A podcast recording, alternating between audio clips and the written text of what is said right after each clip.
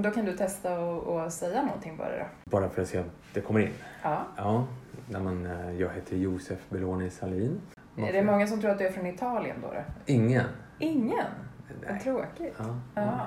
Jag tänkte att de skulle liksom så här, men Belloni, det låter italienskt. Mm. Jag ändra till Giuseppe Beloni.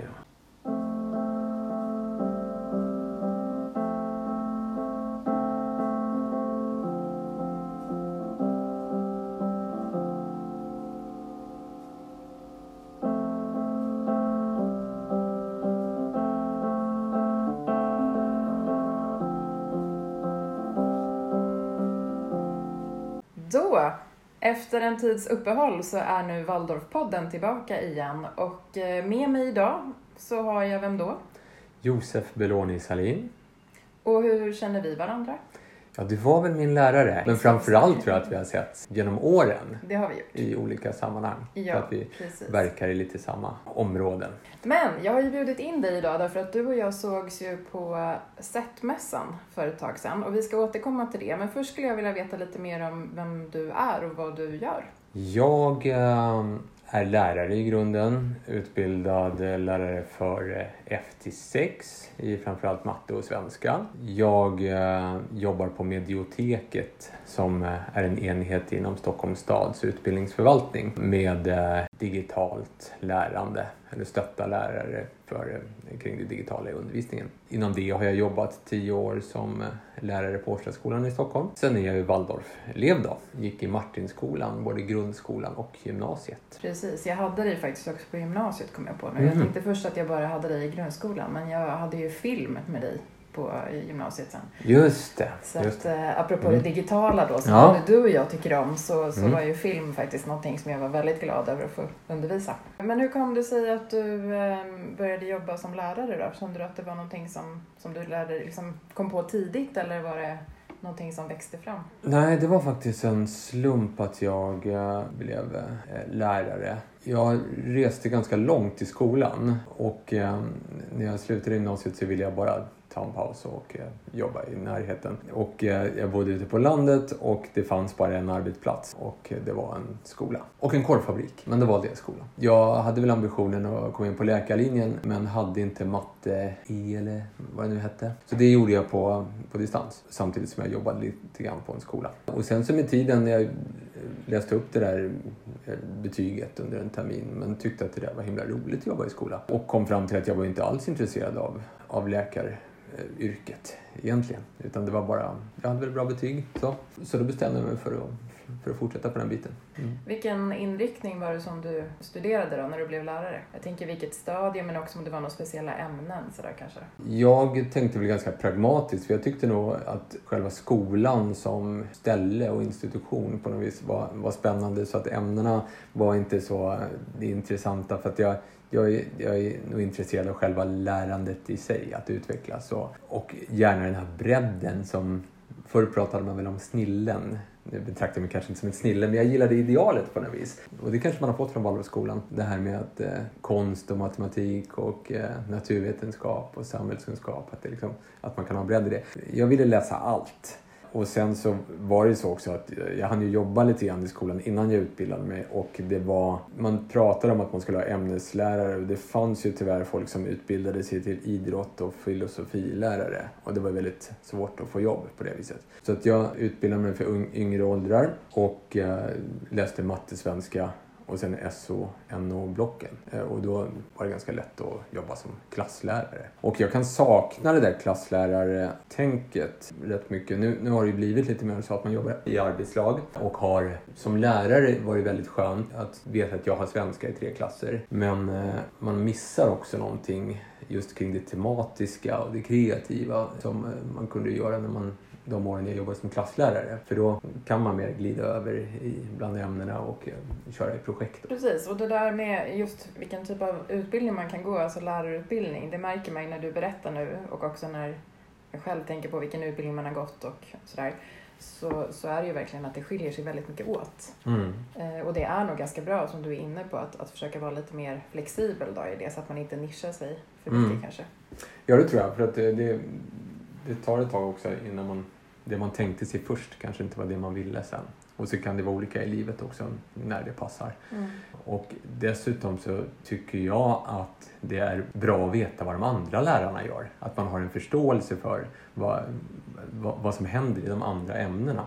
För att eh, vi kanske håller på med vårt men elever är i en verklighet där de byter hela tiden. Ja, och det är ju skönt om det inte är helt eh, vattentäta skott däremellan och att man själv kan referera till det som, som de gör på mattelektionen eller som de gör på bildlektionen. Men då tänkte jag komma tillbaka till det här med SET-mässan som jag nämnde här inledningsvis. Precis som du har nämnt också så har ju vi setts och, och sådär dykt på varandra genom åren här. Men nu på SET-mässan så hovade jag in dig och berättade om att vi precis på Waldorfskolorna över hela Sverige har haft någonting som kallas för en tematisk granskning. Och där Skolinspektionen då bland annat har tittat närmare på just hur vi använder det digitala i förskoleklassen upp till årskurs tre. Och jag vet att du kan väldigt mycket om det här, men ska vi först kanske bara nämna vad är SET-mässan för någonting? Ja, det är en eh, konferens, rikstäckande konferens eh, som är ganska fri så att man går på föreläsningar men, det, men som alla de där eh, mässorna så bygger det väl ganska mycket på också att det finns sponsorer som som kränger prylar. Det är väl en nödvändighet för den här typen av mässor kan man säga. Men det är väl eh, digitala, digital teknik i undervisningen och i skolan skulle man kunna säga. Det är väl en svensk variant av BET-mässan i London. Det är ju precis som du säger, just det här det digitala. Och det är ju just att du kan väva in det digitala i alla undervisningsmoment. Så. Mm. Eh, och sen är ju frågan då hur mycket vill man göra det? Mm. Och det pratar de ju naturligtvis också om på de här föredragen och så som är där. Så det är ju mm. Att just det här att hitta en balans mm. i det. Men för mig då så kändes det i alla fall viktigt att jag skulle liksom kunna få med dig i ett avsnitt av Waldorfpodden. För jag känner att det här med just det digitala i förskoleklassen upp till årskurs tre. Det behöver vi fördjupa oss lite i. Mm. Eh, och det märks ju också eftersom nu när resultaten från Skolinspektionen har börjat komma så är det många skolor, eh, just Waldorfskolorna då, men säkerligen också, tänker jag, ibland kommunala skolor, som eh, får nedslag just på grund av att det är för lite av det digitala. Mm. Och sen är ju då frågan, kan det bli för mycket av det digitala också? Så mm. det här kommer ju du och jag kanske att nämna lite mer också nu då, då. Men hur tänker du just om man tänker just den här frågan som jag var inne på innan här? Är det för lite? Det är ju bara att beklaga kan man väl säga om en skolinspektion eller vad det, vilka nu som ger nedslagen mäter tiden som digitala verktyg används eller hur många digitala enheter som används och så. Därför så kan jag gissa mig till att det finns säkert skolor, alltså inte Waldorfskolor, eh, som, som kanske har fått topppoäng på det där genom att ha väldigt många digitala enheter och väldigt mycket tid men eh, kanske till ingen nytta eller till och med att det gör skada. Jag skulle nog hellre vilja att eh, man funderar på vad är det man vill göra med det digitala och, och vad gynnar det? Vi har ju fortfarande inget ämne som, som heter digitalisering. Vi lever ju hela tiden på olika sätt och använder det men, men eh, jag tycker nog att eh, det finns mycket potential för en Waldorfskola och alla skolor att använda digitala verktyg för, eh, för olika saker. Men, Eh, men om det är lite eller inte, jag tror, det är nästan så att man skulle vilja sitta med på de här diskussionerna som ni har sen vad ni kommer fram till. Men, eh, men jag hoppas att ni kommer att komma ut som, som vinnare i det och att ni också kommer ännu längre. Att ni tänker så här, vad skulle en, en Waldorfskola kunna vara? Eh, vad hade, jag tycker det är intressant att leka med frågan vad hade hänt om Rudolf Steiner levde idag med den eh, kreativa hjärna han verkade ha? Så hade han säkert verkligen omhullat det här, tror jag, många delar av den. Men inte det som förminskar och fördummar människor. Men, men det som berikar. Alltså jag ska nog omformulera den här frågan lite med, mm. är det för lite? Därför att jag tänker nog kanske överhuvudtaget i allmänhet så inte specifikt kanske för Waldorfskolorna utan jag tänker också vad det gäller i grundskolan. För du har ju erfarenhet av den kommunala mm. grundskolan tänker jag. Så, alltså, eh, framförallt lågstadiet. Mm.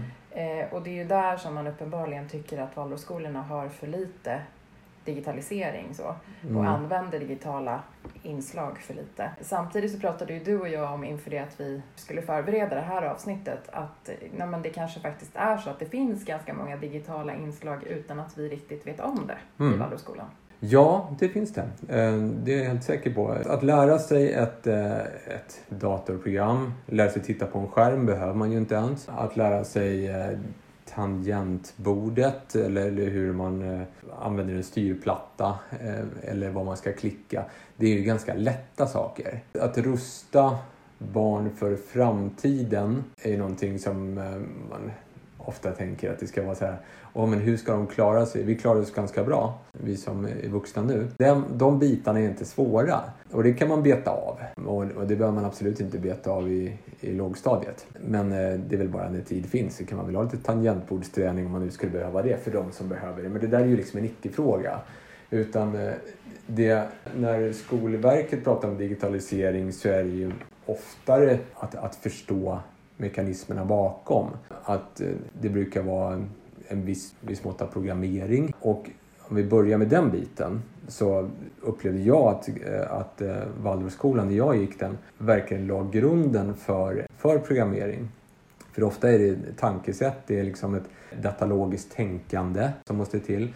Där man eh, både på ett mentalt men nästan på ett fysiskt sätt också leker sig fram till möjligheter som kan bli någonting. Och programmering handlar i grunden om att man, eh, att man hittar ett språk som utför en handling. Och eh, i Waldorfskolan så var det väldigt mycket att, att använda kroppen för att förstå matematik till exempel. Och att rörelse var en, en viktig grej. Så jag ser lätt kopplingar till när vi samlade kottar på någon bondgård eller när vi klappade rappade, det var mycket ramsor och mycket mönster och eh, formteckning. Och eh, även i äldre åldrar så hade vi egentligen en mer avancerad matematik än vad grundskolan hade. För att vi, det var väldigt tidigt när man bytte talsystem och räknade i fembas och sådana saker som först jag mötte på universitetet sen. Allt det där är ju det som är grunden för ett datalogiskt tänkande. Och nu så när man pratar programmering i lågstadiet så, så är det ju ofta som programmeringslekar, programmeringsmattor dator, kunna formulera ett språk som utför en viss handling för att förstå det här med hur, det, hur allt är programmerat. Hittar man det där i eh, styrdokumentet som ni har så kommer ni nog kunna plocka och matcha det där. Då kanske man får hjälpa Skolinspektionen med att peka på att det här är det vi gör. Ja men precis, för det här med som du säger en väg till frihet och den är ju kopplad. Det är ju liksom Lgr 11, snart Lgr 22 som vi följer i Waldorfskolorna också. Det har vi ju betonat många gånger i i Waldorfpodden men jag tänker att vi kan aldrig säga det nog för många gånger. Men just det här som du är inne på, att kanske också försöka förklara för Skolinspektionen att vi jobbar mycket mer med till exempel programmering än vad många tror att vi kanske gör. Mm. Eh, och där behöver ju kanske också skolorna hjälp att komma på det. Mm. Eh, för jag vet att fritidshemmen, vi har ju nätverksmöten för fritidshemmen på Waldorfskolorna och sådär. Eh, och jag tänker att de gör ju väldigt mycket saker som har med det digitala att göra men det är ju bra om skolan och fritids då kopplar ihop också sin kunskap och vad man gör liksom så, så att det blir en gemensam överblick ja. över hela också. Och så tänker jag även för de kommunala skolorna att det kan bli en ventil och också en möjlighet till det kreativa, att, att saker får ta tid. En annan aspekt av det digitala som jag tror att eh, Waldorfskolan har ett eh, försprång i är det, alltså den kreativa användningen av digitala verktyg. Just för att man har en sån kreativ, stabil grund att stå på. Och att det finns en övertygelse om att det estetiska är bra både för, för människans välmående och samvaro men också för lärande. Där så kan man ju med ganska små medel göra lite mera av det man gör. Jag tänker med, jag jobbade som mediapedagog på elevens val någon gång och det, det, tyckte jag var rätt tråkigt. Men det var så här, men ja, vi behöver någon slags mediaprofil. Av någon anledning så kände jag att där hamnade elever som inte hade någonting de ville berätta. Eller det fanns liksom, vi började för sent. Det var som att, eh, ja men jag vill göra film. Men, och då hade man inte jobbat med det. men vad vill du göra film om? Vad, vad är det du vill berätta? Eller vad är det du vill visa? Eller jag vill göra ett fotomontage. Men, men vad, är det du har, vad är det du har skapat? Alltså, man måste börja innan. Och det, hade vi haft en skrivar elevens val så hade det varit mycket mer digital eh, möjlighet där. Och med det vill jag ha sagt att i en Waldorfskola så lägger man så mycket energi till att skapa med, med sina egna händer och, eh, eller med röst eller skrift eller så. Där tänker jag att det kan skapa motivation men också ett, ett sätt att visa upp för andra klasser. Anledningen till att jag vill göra ett bra arbete för att någon annan än bara läraren kommer att se det här. Jag upplevde att vi gjorde otroligt vackra periodhäften men ofta var det bara en person som såg det. Jag kan tänka mig att det både skulle öka motivationen och också göra ett bra arbete. Till exempel att eh, man tar fasta på fina arbeten genom att eh, någon form digitalisera dem. Det behöver inte vara att man visar upp hela världen men det kan vara ett sätt att eh, till exempel ta efter sina äldre elever. Att spara på goda exempel, goda texter, goda illustrationer i någon slags bank av något slag. Visa upp det för, för andra elever. Eller när man skriver eh, sagor, och, eh, det är mycket kring sagor och myter och sådär. Att, eh, tänk om vi kan göra något av det här som vi visar för någon annan. Och det, det förtar ju inte det fysiska eller det, i det skapandet. För att det kan ju vara så att man eh, formar saker i ull eller bivax, gör en stop motion film av det som man sen visar för, eh, för en annan klass. Och då sker det någon slags digitalisering i det, att man liksom bara ger en extra hävstång för det här eh, digitala. Det kan också vara att man skriver någonting, eller det är mycket teater och sång och sådana saker. Och att man använder det, de extra digitala muskler som finns där. Men ofta behövs det lite tid. Vissa elever kanske är mer intresserade av andra och där är ju fritids en jätteresurs. Just för att det kanske är några som vill det medan andra bara vill leka. Så det är bra, tänker jag, att mm. uh, tänka in fritids. Men så länge man inte gör fritids till en extra lång skoldag, utan då sparar man ju det som, jag vill göra lite mera, och så gör man det vid sidan om. Mm.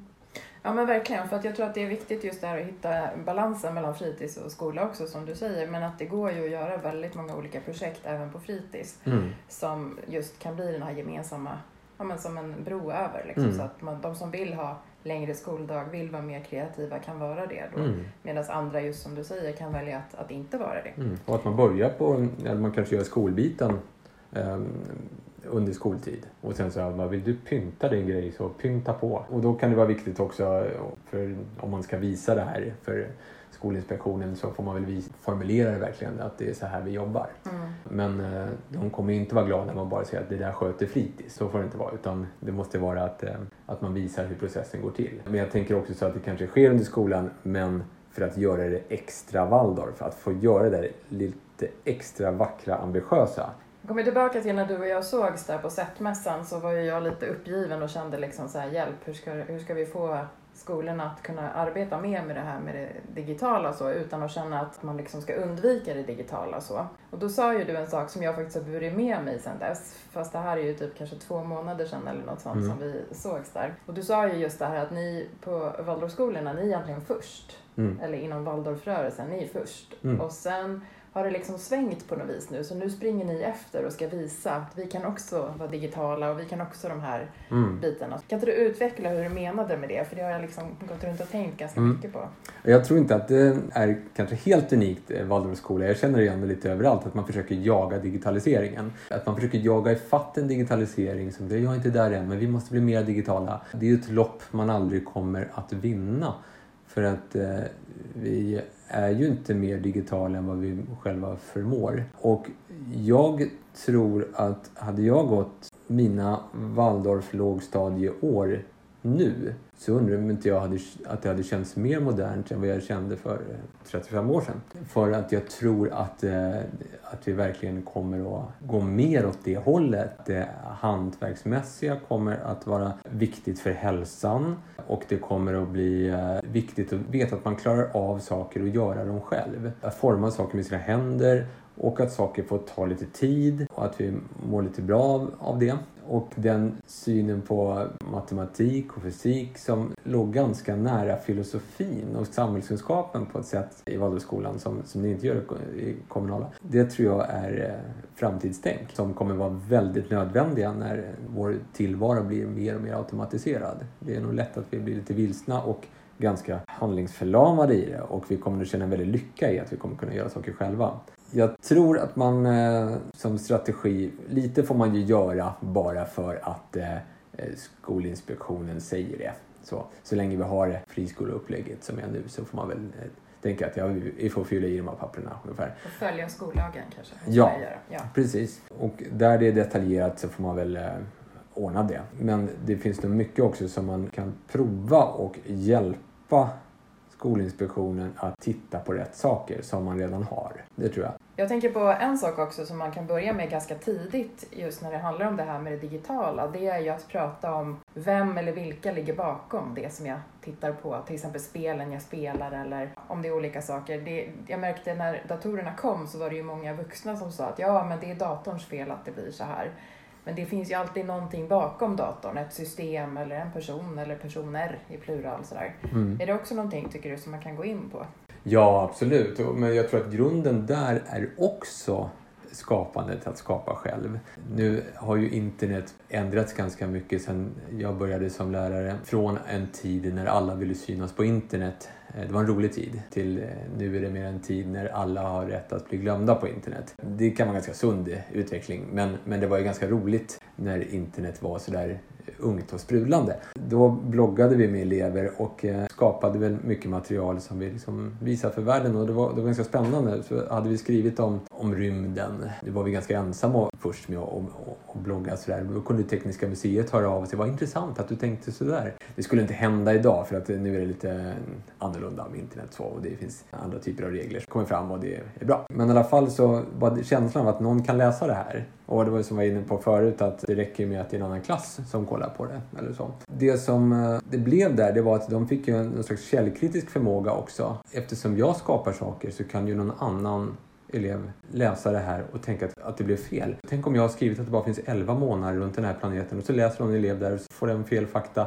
och då fattar de att det finns ju andra bakom all, allting som skapas. Och finns det inte människor bakom så, så är det någon typ av eh, maskininlärning som har skapat som också bygger på mänskliga värderingar. Att vi lägger in olika bias, som det heter, i det där för att maskiner ska göra som, som vi vill att det, så vi ska bli nöjda. Så att jag tror att grunden i, i det där ligger också i det, i det skapande. En annan sak som, förutom skapande, som jag tycker att Waldorfskolan har och som man också gör på lågstadiet, det är, det är kanske lite långt draget just för Skolinspektionen att förstå, men det fokus man har på sagor i lågstadiet, det är ju någonting som har funkat i väldigt många hundra år att, att faktiskt bli lite klokare av. En väldig massa öden och äventyr, dilemman som man hamnar i, som bygger en väldigt bra grund för förståelse. Det är väl så att man får väl peta in saker för att man måste. Eh, man kanske måste titta på omvärlden eh, lite, lite mer. Det kan jag tänka mig att man, eh, det kunde jag känna som nioåring att Åh, de andra får läsa om andra världskriget men, men vi läser om någon prinsessa. Att, man, att det blir lite ledsamt. Men efteråt kan jag ju förstått att så här, men det kanske var viktigt för mig att få hela den här sagoskatten. Och ännu mer sen i eh, högstadiet och gymnasiet eh, att det var sånt stort fokus på litteraturhistoria så man har referenser för i allt man tänker sen. Och alla huvudbry man kan ha kring källkritik eller deepfake eller andra grejer. Att det, att det är viktigt att ha den där stora referensramen och den kanon av litteratur och eh, konst som man faktiskt gick igenom. Men som sagt, det tror jag inte att Skolinspektionen köper. Men, jag, men jag hoppas att, eh, att Waldorfskolan ändå känner att det här är kärnan, vi måste ha det här kvar för Mm. att vi tror på det och, och att det är Mm. viktigt.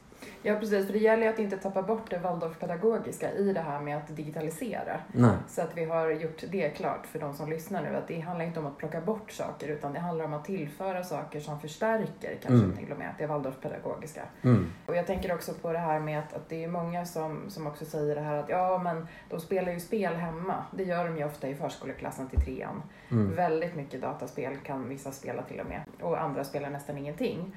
Men det är inte samma sak som att till exempel då programmera eller att lära sig hur ett tangentbord fungerar och så vidare. Utan det, det här är olika aspekter av det hela tänker jag. Mm. Ja, oftast så har ju man tänker att ja, men barn kan väl det här med digitalt. Det är ju inte alls samma saker som vi lägger i vad som är digitalt. Man kan ju förvånas över att de inte vet hur man sparar saker på, som man hittar det sen. Men det är ju för att de är i en digital verklighet där det oftast inte behövs. Men däremot så kan de väl eh, vara noga med kanske med konton och lösenord för att de, det ligger någonstans. Sådär. Sen så är ju de i en digital värld där man oftast får snabba belöningar. Och det kan ju spela över lite grann på skolan kanske man. Det är många som pratar om att man tänker att, att man ska få snabba eh, yttre belöningar av, av, av poäng och annat sådär. Också någonting som jag upplevde att vi gjorde, men det kanske inte var i lågstadiet, men att vi skapade spel. Eh, och och, det, och det, det behöver ju heller inte vara digitalt. Så det är återigen att man skapar för att skapa en förståelse. Det tror jag Mm. är, är bra. Mm. Ja precis, och att inte tappa bort det här med fantasin. Nej. Den är ju väldigt viktig att ha med sig hela vägen, Mm. jag. Verkligen. Och jag, jag brukar säga att fantasin bygger ofta på begränsningar. Jag läste någon gång om någon, eh, någon någon tysk danslärare som var frustrerad över att folk kom och dansade discodansen. Eh, och det störde på den där fina skolan. Då hade de fått i uppdrag liksom att ja, men ni får dansa den där discodansen men ni får med vänster fot måste hela tiden vara i marken. Jag kommer inte ihåg om det var exakt det var så här. Och helt plötsligt skapades nya rörelsemönster. Och så där kan jag känna med Waldorfskolan också, att det fanns en frustration att man var tvungen att måla med den här vattenfärgen som spred sig. Man ville göra exakta linjer och så bara blev det vatten på det här pappret. Det fanns en frustration i att man, ja den här veckan målar vi bara med eh, karminrött. Det var också frustrerande, men man blev himla bra på nyanser.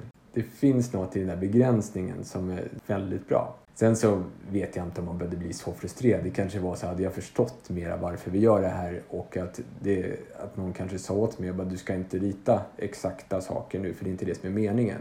Men för mig blev det nästan som att jag kände förväntan, alltså min egen förväntan på att jag ska måla så som jag tyckte att bilden skulle bli och sen så fick jag inte verktygen för att göra det och då blev man lite ledsen. Så det går väl att slipa lite grann på förståelsen. Vi har ett kontrakt om vad det är som ska utföras här. Men annars så tror jag att den begränsningen är någonting som är väldigt bra för det. Som Waldorfskolan återigen är väldigt bra på. Det, det, skapar en väldig kreativitet. Så det är väl också någonting man verkligen kan formulera. Att vad gör Waldorfskola för, för att skapa kreativa förmågor som alla är överens om att det kommer behövas. Mm. Och att också se hur kan man koppla det här kreativa då, apropå det vi pratar om, digitaliseringen och sådär. Mm. Kan man koppla det till de momenten så? För det kan man ju göra hela tiden. Ja, verkligen. Så det är ju det som jag tror att vi måste påminna oss om. Ja. Att just, jag väntar nu, vad kan vi göra av det här då som också blir någonting digitalt? Ja, för man behöver inte luta sig tillbaka och tänka sig, ja vilken tur. Josef sa att vi eh, gjorde allt det här. Så, så behöver inte göra någonting. Men i, i vissa fall så får man väl leta liksom, det absolut viktigaste. Det kanske är något vi redan har till exempel med, med ramsor och eh, sagor, det kroppsliga. Utöver det finns det något som vi kan lägga en liten extra digital växel på för att eh, inte huvudsakligen för att eh, Skolinspektionen ska bli nöjda utan för att få eleverna att växa och att eh, det kanske blir mer engagerande och, och roligt. Där så tänker jag att då, då, kan det ju, då kan det ju vara som vi sa, att, att det bara handlar om att nej men vi spelar in en film om, om de här dockorna som vi har skapat. Eller att vi gör en studioversion av eh, den här musiken vi håller på med.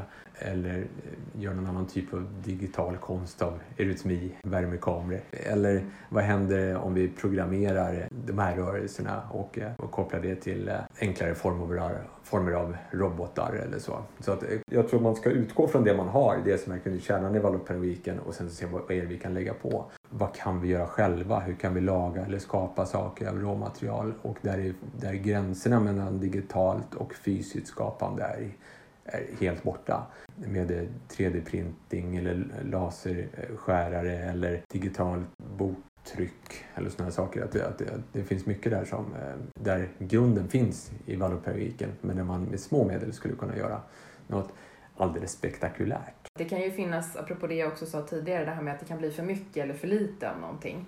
Och jag, jag tror inte på att man ska förbjuda saker. Det är jag helt emot. Utan jag tror att man ska liksom testa sig fram till vad som är lagom. Så. Mm. Eh, och du var ju inne på det. Du, du eh, sa ju just där att, att man själv blir kreativ. Kan du ge något exempel på när du är kreativ idag på ett sätt som du kanske inte skulle ha varit om du inte hade gått i Waldorfskola?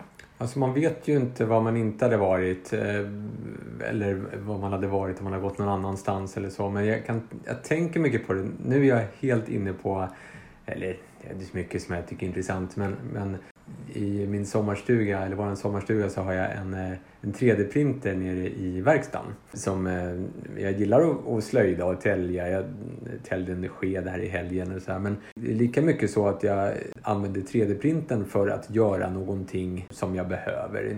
Komplementera, komplementera med en liten krok eller någon passbit till någonting som ska byggas. Och där så minns jag ju Waldorfskolan på något vis eh, utifrån hur man såg kring ämnen där. För att där använde jag ju liksom matematik i ett CAD-program för att konstruera någonting och kunna vända och vrida på det tredimensionellt. Jag använde former, konstnärligt, matematiskt men också kroppsligt. Använde geometri för att skapa den formen jag vill ha. Som gör att jag i alla fall tänker tillbaka på hur vi hade kring geometri och formteckning och, eh, och även eh, det fysiska taktila med att forma saker med sina händer. Ja, men direkt koppling mellan hand och eh, tanke. Och sen att eh, kunna printa det här i en 3D-printer. Det är ju något som man anser är väldigt modernt att kunna skapa sådana här saker själv. Men, men som jag ser en direkt koppling till just den undervisning som har bedrivits i i Waldorfskola. Och sen vill jag också sagt att det är många kommunala skolor som också jobbar med eh, det konstnärliga och har väldigt fin estetisk verksamhet också. Ja, och det vill jag verkligen också betona för jag mm. har varit på besök på många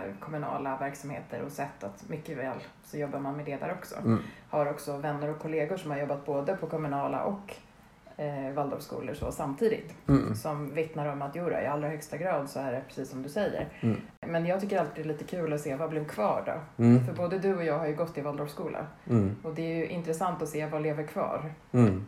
Och jag kan ju se hos mig att jag har ju kanske inte den här konstnärliga biten. Det har jag nämnt tidigare i något avsnitt också. Att jag, jag var nog inte den här eleven som fastnade för det konstnärliga.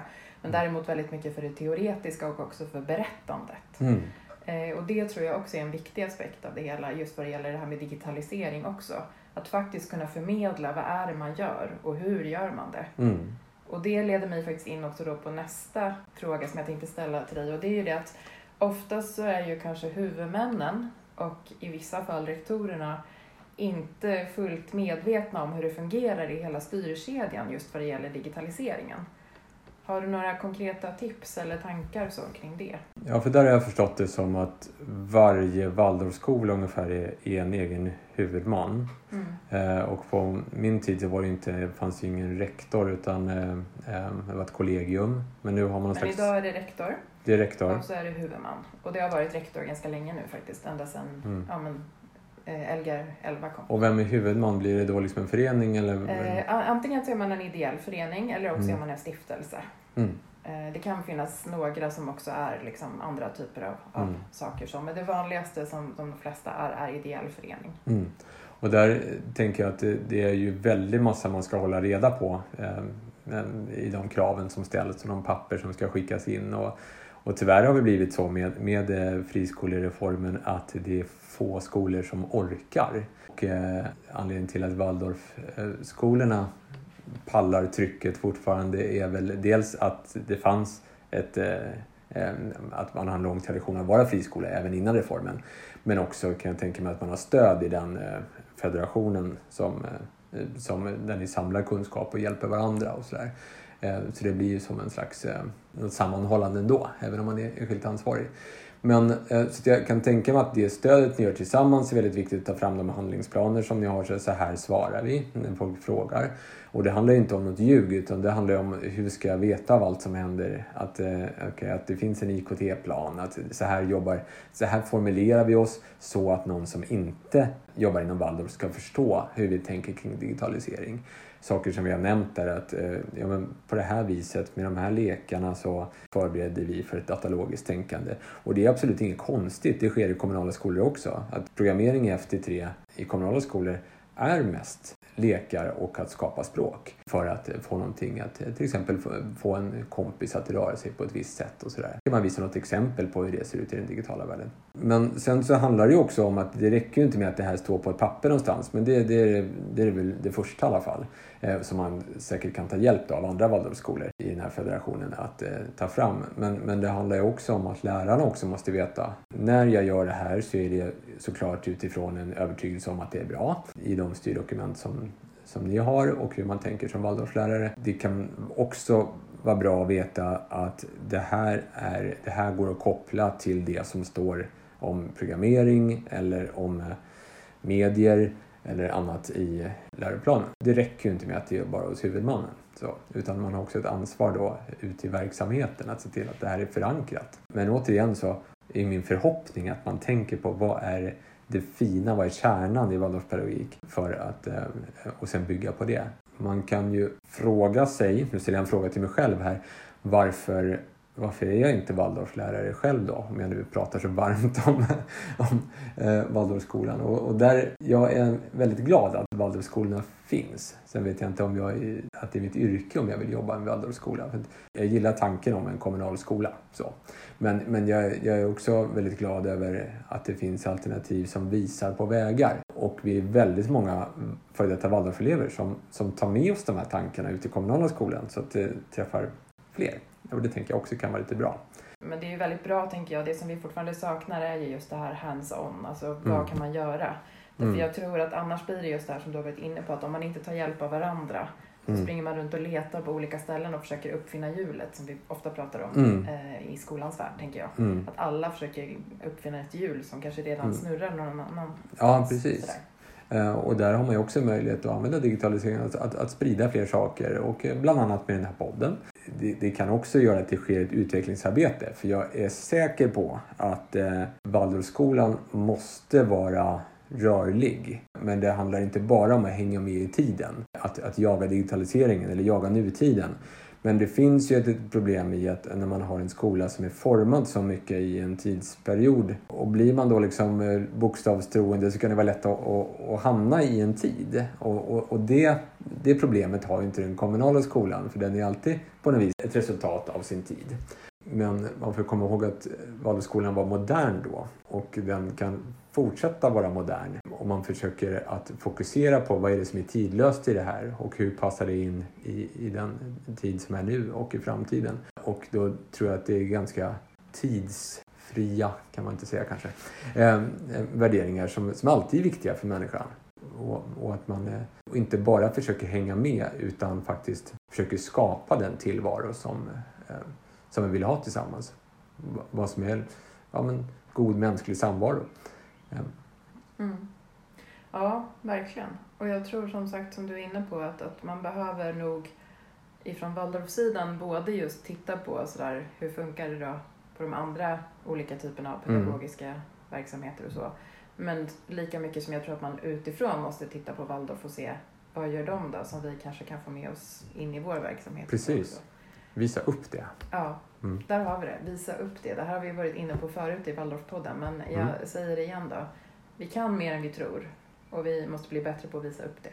Ja, och gör någonting som vi andra baxnar över att se. Okej, ja, då ska jag skicka med det som en liten sån avslutande hälsning här nu till alla er som lyssnar, men också till er på skolorna.